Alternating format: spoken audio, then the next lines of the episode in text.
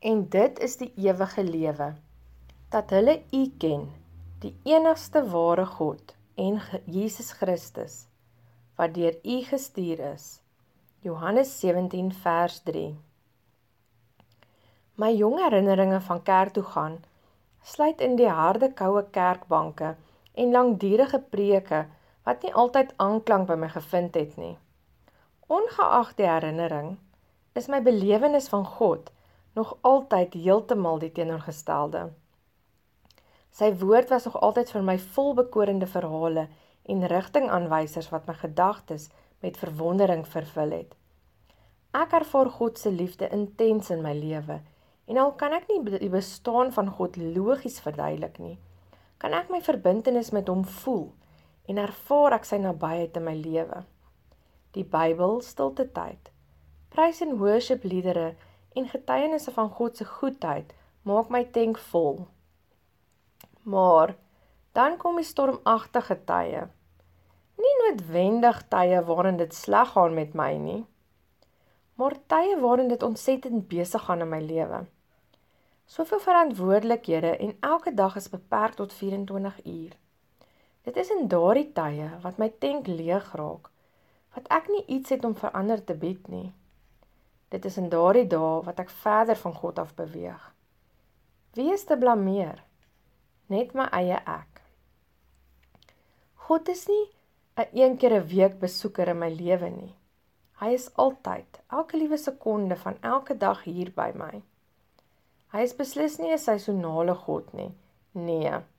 Hy staan in 'n intieme verhouding met elkeen van sy kinders. Die hartseer deel is ek is te besig vir hom. Soms sal ek voel dat God ver van my af is, maar hy het nêrens gegaan nie. Dit is ek wat verslap het in my aanbidding. Ek het tyd saam met hom nodig om my tank vol te hou. Is God dan nou werklik my tyd en energie werd? Ek kan met sekerheid sê hy is. Die vraag is nie of God my gered het nie, want daardie antwoord is reeds bevestig voor ek gebore is. Jesus Christus het my gered aan die kruis. Die vraag is eerder of ek God liefhet soos hy graag wil hê ek moet hom lief hê. Shelley Rushing Tomlinson verduidelik in een van haar getuienisse dat sy begin hinker het na verhouding met God, soos die stikiepyper waarmee mens vliee vang. Sy wil so na aan God wees dat sy die vlieg moet wees en God die papier. Sy wil haarself so vas aan hom plak totdat sy hom so goed ken dat sy die klop van sy hart kan voel. Die titel van haar boek tref my diep. Stop settling for the life you have and live the one Jesus died to give you. Ons neem soveel verantwoordelikhede op ons skouers sodat ons kan oorleef. Maar wat doen ons om te lewe? Wanneer ons wel lewe, kies ons om vir ek te lewe of kies ons die lewe waar ons die ek se prioriteite agterlaat om vir God se hart te lewe? Wanneer is jy reg om te kies om vir hom te lewe? Vas soos die vlieg teen die papier. Dis my wens vir my tyd en energie om al hoe meer daarvan aan God te bestee. Ek is nie op soek na ewigheid of redding nie, want ek weet met sekerheid dit is reeds aan my toegeken.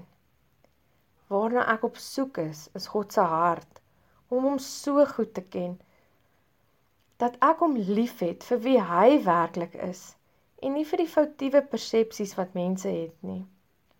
Vir my is die ware beloning die skat om God se hart te leer ken. Die eerste stap in my reistog om God passievol lief te hê, is my ek wat erken dat ek hom nog nie so passievol liefhet soos wat ek hom wil lief hê nie. Om bereid te wees om alles in my vermoë te doen sodat ek weet wie ek in Christus is en wie hy is in my. Hoe kan ek in 'n beter verhouding met God staan? deur my fokus te verskuif vanaf die wete dat ek gered is na die soeke om meer te weet van die een wat my gered het. Dit is juis in Shelley Rushing Tomlinson se woorde dat ek bevestiging vind. Just enough Jesus will never be enough Jesus. Ons persoonlike reis saam met God het geen retourdatum nie. Dit is 'n ewigdurende toer waarop daar geen oomblik is wat dinge klaar of afgehandel is nie. As mens bly ons soeke na God, ons verlange na 'n intieme verhouding met hom, altyd teenwoordig.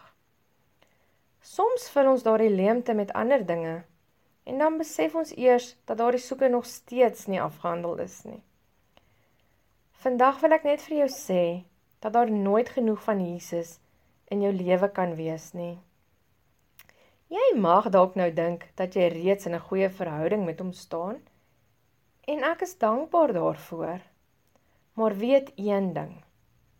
Op jou reis tog saam met hom is daar altyd iets nuuts wat jy van God gaan leer en ontdek. Die lewe is 'n plek van keuses. God se liefde laat ons die vryheid van keuses toe. Al maak ons soms die verkeerde besluite. Vandag kies ek 'n passievolle verhouding met God. Vandag kies ek om nooit op te hou soek na hom nie, om te bly strewe tussen al die verantwoordelikhede en uitdagings deur, om hom daagliks meer en meer te leer ken.